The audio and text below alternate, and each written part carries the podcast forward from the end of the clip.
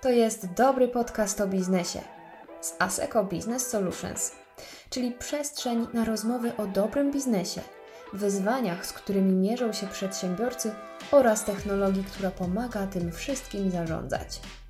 Głos oczywiście oddajemy ekspertom, którzy dzielą się z nami swoją wiedzą i doświadczeniem. Zapraszamy na odcinek szósty o inteligentnych systemach ERP, czyli co nieco o sztucznej inteligencji w biznesie.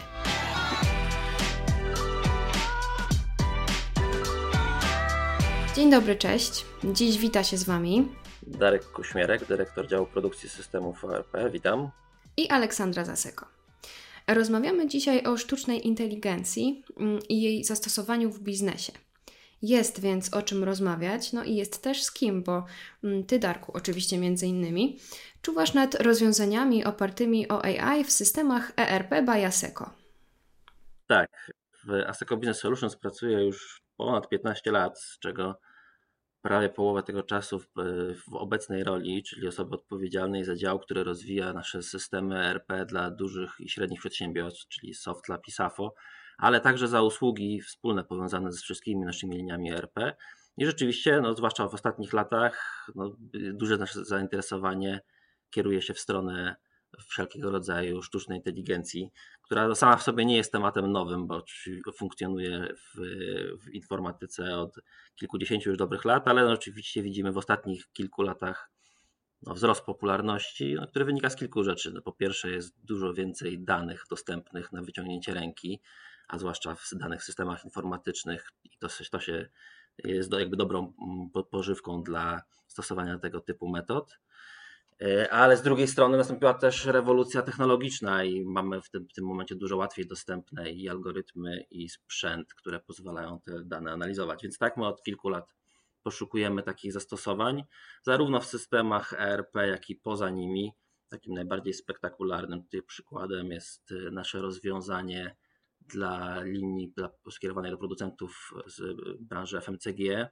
To jest rozwiązanie rozpoznawania obrazu, które wspiera w, ty, już w tym momencie przedstawicieli handlowych w analizowaniu półki sklepowej, czyli w dużym stopniu w automatyzowaniu ich pracy podczas odwiedzin w sklepie i uproszczenia tych, tych rutynowych czynności, jakimi jest weryfikacja tego, co się znajduje na półce, czy, czy, czy, to, czy to, co zostało na półce wyłożone, jest zgodne z ustaleniami pomiędzy producentem a, a dystrybutorami sklepami.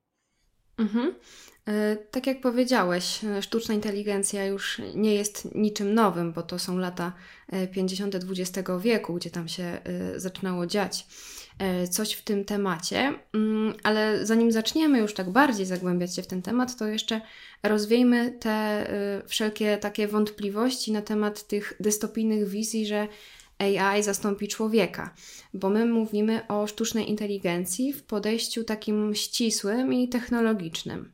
Tak, tutaj no, warto myślę sobie z, zadać pytanie, czym jest sztuczna inteligencja, bo to rzeczywiście jest takie sformułowanie, które ma, albo można powiedzieć, że nie ma jednej jasnej definicji, albo ma ich wiele na przestrzeni lat ich powstawało. To też potrafi być w i w literaturze, i, i też w marketingu różnie wykorzystywane, ale myślę, że dla uporządkowania warto takiego podziału dokonać y, na tak zwaną inteligencję ogólną, czyli takie, takie działania, które, które prowadzą do zbudowania odpowiednika ludzkiej inteligencji to jest trochę ta dystopijna wizja, o której powiedziałaś, czyli te doprowadzenia do tego, że komputery będą myślały jak ludzie, będą nieodróżnialne od ludzi i zastąpią nas we wszystkich możliwych działaniach. I tu trzeba powiedzieć, że chociaż następuje jakiś postęp, to on jest bardzo powolny i chyba na razie możemy uspokoić, że w najbliższych latach komputery nas nie wyprą z, z, z wszystkich naszych dziedzin działalności. Natomiast to, ten obszar, w którym następuje istotny postęp, to jest tak zwana zawężona sztuczna inteligencja, czyli to są wszelkie algorytmy, które pozwalają na wykonanie jednej ściśle określonej czynności w sposób znacznie bardziej wydajny, a często też bardziej skuteczny mm, niż zrobilibyśmy to my. Y, więc budujemy takie rozwiązania, które automatyzują, wspierają ludzi w powtarzalnych, codziennych działaniach, y, ale są też są to takie, takie działania, które komputer wykona prawie zawsze szybciej od człowieka, ale w wielu przypadkach, jeśli to są rzeczywiście jakieś działania uporządkowane i powtarzalny, to wykona je także znacznie skuteczniej, z mniejszą liczbą pomyłek. No, chociaż nie oszukujmy się, algorytmy AI też pomyłki popełniają i to jest rola właśnie twórców, żeby to odpowiednio zaadresować. No, to znaczy, żeby z jednej strony zapewnić, że ten margines błędów będzie akceptowalny, ale z drugiej strony, że system e, będzie użytkownika wspierał w tym, e, jak sobie z takimi e, pomyłkami poradzić. No właśnie. W takim razie, jak działa sztuczna inteligencja i jak też mają się do niej te bliskie, ale nie tożsame pojęcia machine learningu czy deep learningu? Sztuczna inteligencja to bardzo szeroka rodzina algorytmów, które wykonują konkretne działania i mieszczą się w tym zarówno algorytmy uczenia maszynowego, nadzorowanego i nienadzorowanego, a także ich specyficzny pozbiór, jakim są sieci neuronowe, ale mieszczą się w tym również algorytmy statystyczne, które potrafią uczynić systemy i narzędzia inteligentnymi. Myślę, że nie warto się tutaj silić na jakiś purytanizm i purytanizm typu, że tylko sieci neuronowe to sztuczna inteligencja. Tak nie jest. E, machine learning, o którym wspomniałaś, to jest klasa, ta klasa rozwiązań, w których program uczy się na pewnym zbiorze danych. No, zwykle są to dane historyczne, które mamy zgromadzone, i na podstawie tych danych ekstrapoluje reguły, które może przenieść na kolejne przypadki, które pojawią się w przyszłości. Można to zobrazować w ten sposób, że w klasycznym programowaniu e, zadaniem programisty jest to, żeby stworzyć program, którym implementuje pewne reguły. Takie, zapisuje reguły w systemie w taki sposób, żeby potem, kiedy pojawią się dane, to system był w stanie sobie z nimi poradzić i dać z nich wyniki. A w machine learningu jest to odwrócone, to znaczy programista dostaje przede wszystkim duży zbiór danych, dla, dla których w większości przypadków znane są już wyniki, tylko to są dane historyczne, a algorytm ma z nich wydobyć wiedzę, ma z nich wydobyć te reguły, które będzie stosował w przyszłości. E, szczególnym tutaj przypadki, przypadkiem są, mm, jest nienadzorowane uczenie maszynowe, w którym nie dajemy e, programowi żadnych wstępnych odpowiedzi i system sam musi te dane przeanalizować i próbować wydobyć z nich reguły. Tu przykładem może być na przykład segmentacja kontrahentów, czyli tak zwana klasteryzacja. A deep learning o którym też powiedzieliśmy, to ta szczególna klasa algorytmów, która bazuje na strukturach sieci neuronowych. Te rozwiązania są inspirowane w jakimś stopniu działaniem ludzkiego mózgu, aczkolwiek to, te, te, inspiracje są chyba jednak mocno obrazowe.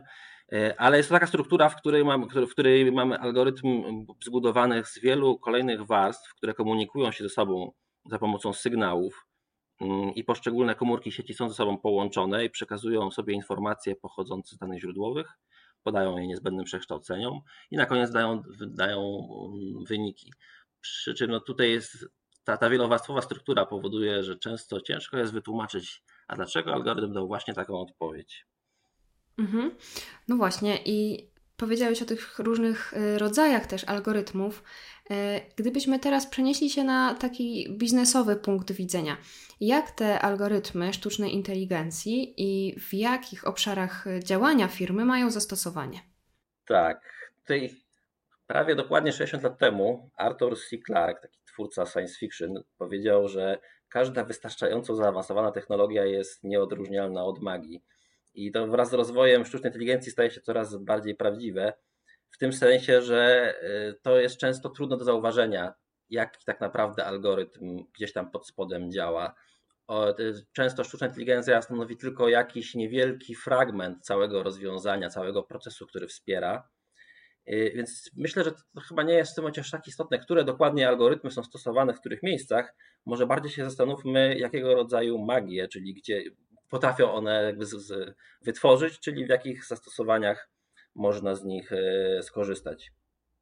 No i tak, wszelkiego rodzaju automatyzacja i podpowiedzi, które użytkownik może dostawać w procesach, ale też automatyzacja uzupełniania pól na dokumentach, e, czy podpowiedzi w procesach workflow, w, w, w jaką stronę dany proces skierować, do kogo wysłać dokument do akceptacji. To są takie e, obszary, w których sztuczna inteligencja może być stosowana. Wszelkie algorytmy prognostyczne i wykorzystywane są w procesach zarządzania zapasem, ale też w procesach kontroli płatności. Mm, algorytmy wykrywania anomalii mogą się przydać w mechanizmach, które będą nas alertowały o potencjalnych czy możliwych do zaadresowania problemach, czy to w płatnościach, czy to być może w, zapasach, które mogą zostać przeterminowane. Y, I trochę osobną, ale powiązaną kategorią jest wspieranie decyzji biznesowych przez inteligentne analizy, wykorzystujące również zaawansowane metody prognostyczne czy, czy klasyfikacje. A dla nas, jako twórców systemów, którzy stawiają olbrzymi nacisk na interfejs użytkownika i na tak zwany user experience, bardzo też ważny jest ten obszar stosowania sztucznej inteligencji, który wspiera pracę użytkownika w systemie, czyli to prowadzi do tego, aby system był przyjazny, inteligentny i żeby łatwo było się z nim dogadać. Czyli można dostrzec takie trzy główne płaszczyzny działania AI, czyli automatyzację pracy, przetwarzanie danych i komunikację. Ale tak sobie myślę, żeby AI działała, e, to oczywiście potrzebne są dane, które e, zasilą algorytmy, a w firmach taką bazą i obiegiem danych mm, jest oczywiście system ERP. E, I czy w odniesieniu do systemu ERP właśnie możesz podać jakieś przykłady automatyzacji, analizy danych i usprawnień komunikacji? Tak, no tutaj systemy ERP dają duże pole do popisu, bo rzeczywiście gromadzą dużą część informacji przedsiębiorstwa. E, no i tak historycznie patrząc, to pewnie takim klasykiem są metody heurystyczne, regresja liniowa czy inne algorytmy prognostyczne, czasem algorytmy klasyfikacji które wykorzystywane są przede wszystkim do przewidywania zmian stanów, co przekłada się dalej na całą gamę mechanizmów zarządzania zapasem, ale wykorzystujemy je również do budowy systemów wczesnego ostrzegania w innych obszarach działalności. My na przykład na bazie tych algorytmów zbudowaliśmy moduł przewidujący opóźnienia w płatnościach w celu usprawnienia i automatyzacji windykacji. Ale dalej, y, algorytmy rekomendacji, które znamy na przykład z e-commerce'u, które podpowiadają nam w, w sklepach internetowych, jakie towary mogą nas zainteresować, stosować możemy zarówno do generowania propozycji towaru dla klientów, ale możemy je również stosować podpowiadając użytkownikom ułożenie dla nich całego systemu, ułożenie interfejsu systemu ERP zgodnie z ich stylem pracy, tak żeby najczęściej stosowane przez nich funkcje były najłatwiej, jak najłatwiej dostępne. Nazywamy to interfejsem adaptatywnym e, lub po prostu inteligentnym. Ale podobne algorytmy stosujemy już e, chociażby do proponowania użytkownikom nowości w naszym systemie komunikacji, który nazywamy AVP, e, tak aby użytkownicy dostawali informacje na temat tych elementów, które ich mogą najbardziej zainteresować. Drugim obszarem no jest całe, całe zagadnienie NLP, czyli przetwarzania języka naturalnego, które stosujemy do komunikacji. I to wykorzystuje, wykorzystać możemy do tego, aby porozmawiać z systemem. To znaczy, aby system stał się wirtualnym asystentem, którym, no zwłaszcza podczas pracy na urządzeniach mobilnych, y, możemy za, za pomocą takiej rozmowy z systemem albo pozyskać jakieś informacje, albo wykonać jakieś działania. Zakładam, że tak jak wszystko zresztą, sztuczna inteligencja, jeśli ma być skuteczna, no to musi być zastosowana w sposób przemyślany, bo nie wystarczy pójść za trendem, że teraz wszyscy mają AI, to my też. E, ale najpierw musi być ta ludzka inteligencja i ludzka kreatywność. E, no i to bardzo mnie na przykład interesuje. Jak to jest w przypadku systemów ERP? Skąd bierzecie pomysły, żeby zastosować takie, a nie inne rozwiązanie AI? No i jak potem zabieracie się za implementację takiego rozwiązania w systemie ERP? Tutaj rzeczywiście tkwi nie pułapka, bo z perspektywy twórców i programistów łatwo jest wpaść w zachwyt nad technologią, powiedzieć o jaki fantastyczny algorytm, no po prostu on działa cuda. E, tylko niestety między świetnym algorytmem a prawdziwą wartością dla klienta leży przynajmniej kilka raf ale takie dwie największe, jakie widzę, to z jednej strony określenie, co jest wartością dla klienta. Ważne jest to, żeby nie wychodzić od technologii i szukać dla niej zastosowania, tylko rozpocząć od rozmowy z klientem i analizy, jakie problemy klient, klient ma i jakie metody mogą je rozwiązać, a nie iść w drugą stronę. Ale już tak w implementacji e, rozwiązania, takim dużym wyzwaniem jest zapewnienie danych. Tutaj twórcy często nie, do, nie doceniają tego problemu, a to praca z danymi zgromadzenie odpowiedniej ilości i jakości danych potrafi stanowić dużą część projektu. Jako przykład mogę podać na przykład mm, wykrywanie oszustw, tak zwane fraud detection. To jest świetne, są świetne algorytmy do wykrywania różnych, różnego rodzaju malwersacji w transakcjach. Tylko problematyczne jest zgromadzenie zbioru danych treningowych dla takiego algorytmu, ponieważ analizując nasze dane historyczne, no nie jesteśmy w stanie często stuprocentowo powiedzieć, ale to które z tych transakcji były oszustwem, a które nie. Także praca i zgromadzenie odpowiedniej ilości danych to jest potężne wyzwanie. Mhm. I dopytam jeszcze o te dane, e, bo wspomniałeś już, że ich jakość też jest bardzo ważna, nie tylko e, to skąd, e, się, skąd można je wziąć.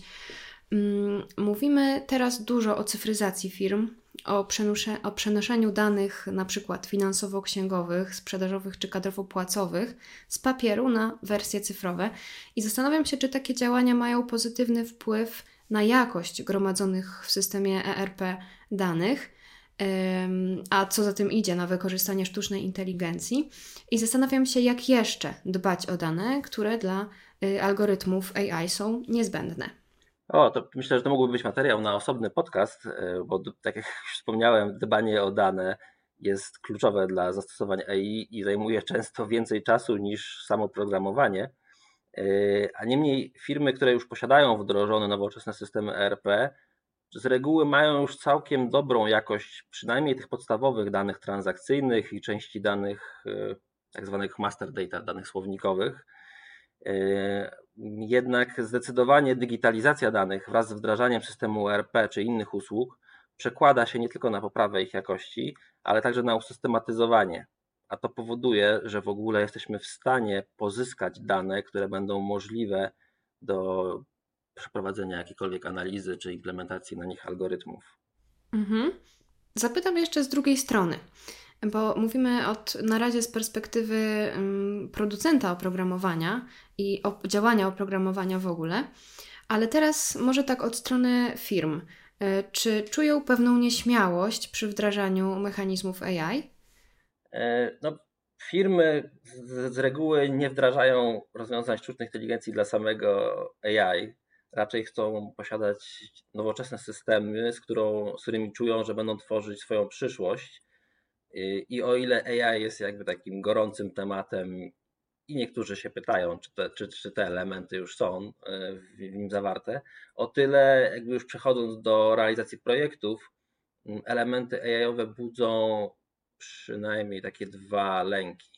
Jeden to jest obawa o to, to nazywamy czarna skrzynka, że system staje się taką czarną skrzynką, która na bazie danych generuje pewne propozycje, pewne spostrzeżenia, insighty, ale czy ja e, jestem w stanie zweryfikować, skąd się te, te rekomendacje wzięły? Czy, czy mam zaufać ślepo systemowi? No tutaj jest jakby du, du, przed tym jest duży opór. Y, no i tutaj trzeba sobie zdać sprawę, że algorytmy machine learningowe różnią się pod tym względem. To znaczy, niektóre posiadają tak zwaną wyjaśnialność, to znaczy, że są w stanie wraz z udzieleniem jakiejś rekomendacji powiedzieć, a dlaczego ja tej rekomendacji udzieliłem. E, bo klient na przykład, na przykładzie algorytmu prognozującego opóźnienia płatności, taki algorytm mógłby jeszcze dodać odpowiedź, że no, przewiduje, że to, że to opóźnienie tutaj wystąpi, ponieważ ten klient w 90% przypadków płaci po terminie, albo jest z jakiejś e, niebezpiecznej branży.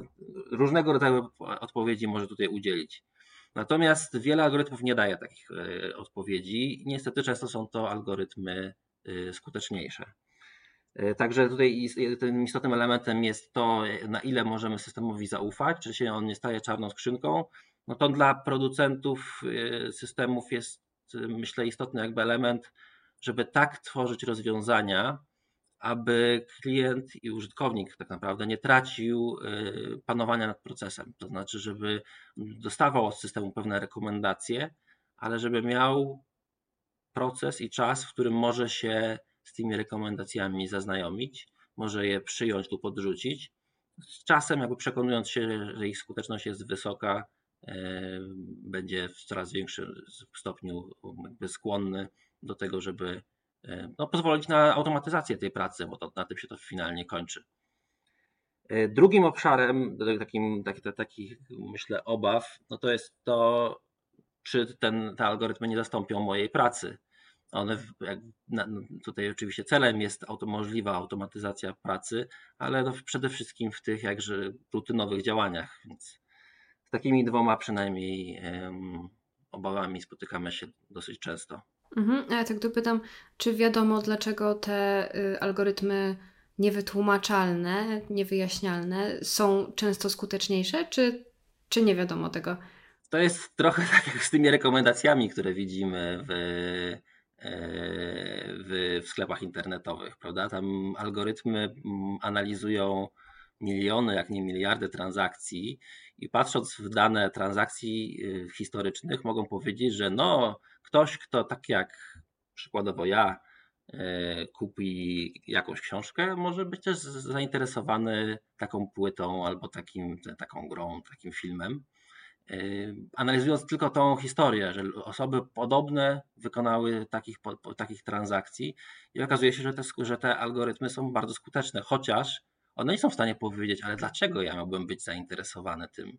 Także tu trochę niestety w tych najbardziej mm, złożonych zastosowaniach musimy odejść od takiego zawsze znalezienia połączenia przyczynowo-skutkowego, a mm, jakby mm, oprzeć się na tym, że widzimy pewne koincydencje i że one się będą powtarzały. To oczywiście ma zastosowanie tylko w niektórych przypadkach. No, e, w takich właśnie te, te, te rozwiązaniach klasy rekomendacji, e, a nie w jakichś e, stricte transakcyjnych czy raportowych działaniach. Czyli no, wiele jeszcze przed nami, jeżeli chodzi o działanie sztucznej inteligencji i też samo poznawanie nie tylko tworzenie, ale również właśnie poznawanie tych mechanizmów. Bardzo dziękuję za rozmowę i całą tą fascynującą wiedzę o sztucznej inteligencji, e, jaką się z nami podzieliłeś. Biorąc pod uwagę właśnie tempo rozwoju tej technologii i jej zastosowań, za jakiś czas pewnie e, będziemy mogli do tego tematu wrócić, rozmawiając o kolejnych możliwościach. A ja teraz już raz jeszcze Ci, Darku, serdecznie dziękuję. Dziękuję bardzo.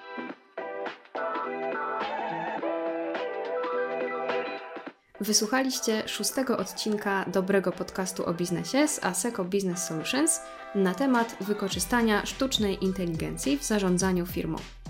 Dzięki, że byliście z nami. Na dzisiaj to już wszystko.